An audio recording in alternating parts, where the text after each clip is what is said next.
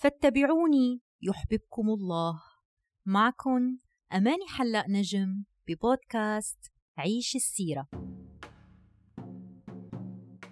أروي لكم حياة المصطفى صلى الله عليه وسلم لنعرف الأحداث ونعيش التفاصيل. نعرف لنحب ونحب لكي نطيع. وصلنا في سيرة الحبيب صلى الله عليه وسلم إلى يوم المولد. إلى خير يوم طلعت عليه الشمس. ففي دار أبي طالب عم النبي صلى الله عليه وسلم بشعب بني هاشم أضاء الكون بمولده صلى الله عليه وسلم.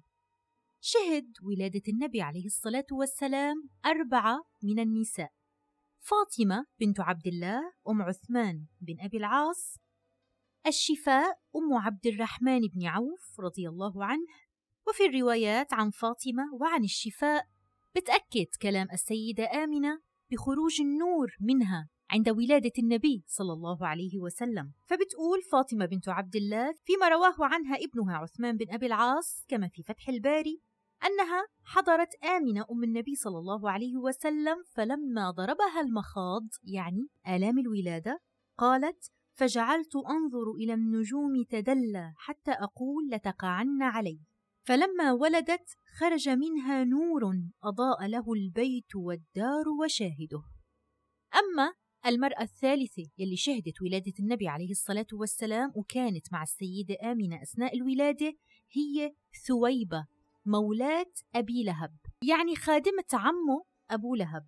والمرأة الرابعة هي أم أيمن بركة الحبشية. أم أيمن بتكون خادمة آمنة يلي حتكون من بعد هيك حاضنة النبي عليه الصلاة والسلام ومربيته.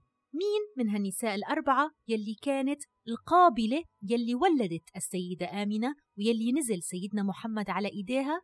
هي الشفاء أم عبد الرحمن بن عوف. شو بتلاحظوا بالأسماء؟ أم النبي عليه الصلاة والسلام آمنة من الأمن.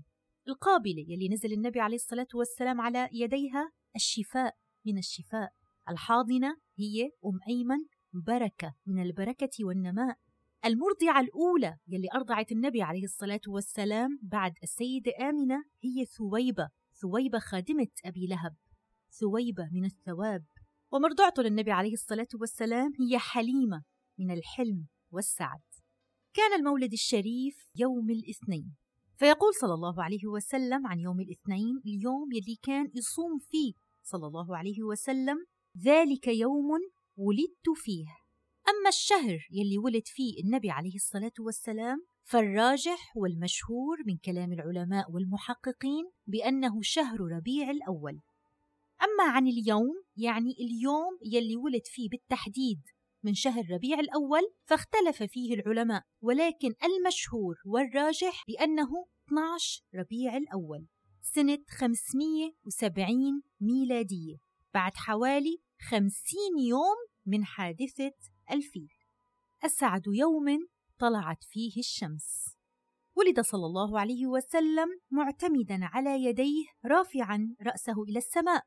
كما روي أنه صلى الله عليه وسلم ولد مسرورا. شو يعني مسرورا؟ يعني مقطوع السرة كما روي أيضا بأنه صلى الله عليه وسلم ولد مختونا يعني لا يحتاج إلى الختان. ولكن في رواية أخرى أيضا ورد بأنه جده عبد المطلب قام بختانه على عادة العرب فالله أعلم. ولما ولدت آمنة أرسلت إلى جده عبد المطلب تبشره بأنه قد ولد له غلام فجاء عبد المطلب ونظر إليه. وحكت له السيدة آمنة لعبد المطلب عن يلي شافته وهي حامل بالنبي عليه الصلاة والسلام وما قيل لها فيه وأنها أمرت وأتاها آت أخبرها بأن تسميه محمدا. ثم حمل عبد المطلب حفيده ودخل به الكعبة. ولما كان اليوم السابع ذبح عبد المطلب يعني أقام آه، وليمة ودعا إليها قريش. فلما أكلوا رجال قريش قالوا له يا عبد المطلب أرأيت ابنك هذا الذي أكرمتنا على وجهه؟ يعني هذا الغلام يلي عملت هيدي الوليمة وعزمتنا كرماله ما سميته؟ فقال عبد المطلب سميته محمدا. فاستغرب رجال قريش لأنه اسم محمد غير معروف عندهم. فقالوا له فما رغبت به عن أسماء أهل بيته؟ يعني ليش بدك تسميه اسم غريب عن الأسماء المعروفة؟ فقال عبد المطلب أردت أن يحمده الله في السماء وخلقه في الأرض. محمد فكرت بيوم ماذا يعني هذا الاسم؟ ماذا يعني محمد؟ سيدنا محمد صلى الله عليه وسلم له أسماء كثيرة ولكن أشهر اسماءه صلى الله عليه وسلم محمد. خلينا نحكي من الناحية اللغوية. محمد في اللغة العربية على وزن مفعل وهو اسم مفعول. من حمد حمد محمد اسم مفعول. أي من يقع عليه الحمد. ومن معاني هيدا البناء باللغة العربية التكثير. يعني سيدنا محمد يكثر حمد الحامدين له لا يحمد مرة أو اثنان لا بل يكثر حمد الحامدين له. ومن أسمائه صلى الله عليه وسلم محمود وأحمد وكلهم بنفس المعنى يحمده أهل السماء والأرض. فهو عليه الصلاة والسلام محمود عند الله.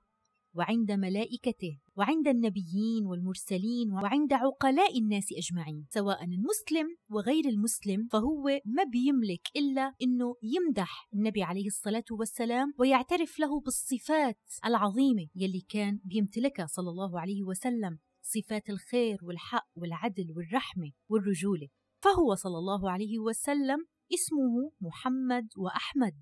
ونحن الأمة المحمدية. الحمادون يلي منحمد الله سبحانه وتعالى في السراء وفي الضراء في الخير وبالشر منقول دائما الحمد لله. والصلاة يلي جاء فيها صلى الله عليه وسلم منفتتحها بالحمد الحمد لله رب العالمين بسورة الفاتحة. والقرآن الكريم مفتتح بالفاتحة بالحمد لله. والخطب يلي كان يخطبها صلى الله عليه وسلم بشو كان يفتتحها؟ كان يفتتحها بالحمد لله. ويوم القيامة يكون بيده صلى الله عليه وسلم لواء الحمد. ولما حيشفع للخلائق الشفاعة العظمى يوم القيامة يحمد الله بمحامد يفتح بها عليه الله سبحانه وتعالى حينئذ. يعني سيدنا محمد يحمد الله بكلمات يلهمه إياها الله سبحانه وتعالى في ذلك الوقت. فهو صلى الله عليه وسلم صاحب المقام المحمود. ونحن بعد كل أذان بنقول وابعثه اللهم مقاما محمودا.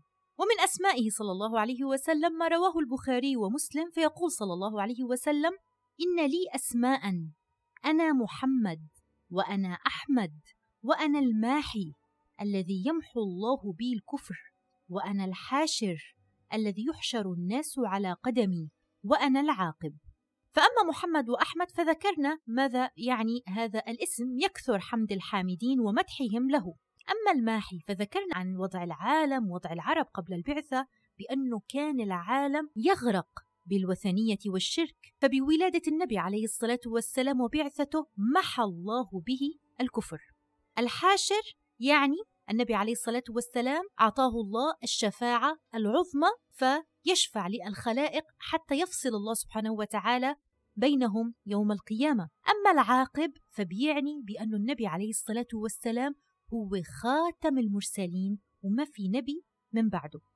شو رأيكم نختم كلامنا لليوم بأبيات جميلة جدا بقصيدة لحسان بن ثابت شاعر النبي عليه الصلاة والسلام في مدح المصطفى صلى الله عليه وسلم. وأحسن منك لم تر قط عيني وأجمل منك لم تلد النساء. خلقت مبرأ من كل عيب كأنك قد خلقت كما تشاء. وضم الإله اسم النبي إلى اسمه إذا قال في الخمس المؤذن أشهد وشق له من اسمه ليجله فذو العرش محمود وهذا محمد صلى الله عليه وسلم. وقفتنا اليوم بعنوان من هو محمد بالنسبة لك؟ يا من تنتمي إلى أمة خير الخلق إلى أمة محمد صلى الله عليه وسلم من هو محمد بالنسبة لك؟ كل إنسان مسلم بيعرف أنه رسول الله محمد صلى الله عليه وسلم هو أعظم الخلق هو رسول الله يلي أمرنا الله سبحانه وتعالى بطاعته فشو مكانة رسولك عندك؟ هل حبك لإله مجرد كلام تتغنى فيه على صفحات التواصل وبالاجتماعات وبين الناس؟ أو حبك لإله أمر عملي ببين بأفعالك قبل أقوالك لما يكون عندك أي أمر بدك تعمله هل بتختار ما يرضي الله ورسوله أولا أم ما يرضي الناس ويرضي هواك؟ المحبة أفعال لا أقوال. حبك لرسول الله هو بالسير على منهجه باتباع سنته بغرس محبته بأولادك بتنفيذ وصيته بالدعوة إلى الإسلام بمحافظتك على صلاتك يلي كانت آخر وصية لإله صلى الله عليه وسلم. حبك لرسول الله هو حياة بتعيشها ما الذي حصل بعد ذلك؟ هيدا يلي رح نتعرف عليه بإذن الله بالحلقات القادمة. شاركوا البودكاست مع أصدقائكم ومعارفكم وخليكن دايما على السمع وخليكن مع بودكاست عيش السيرة.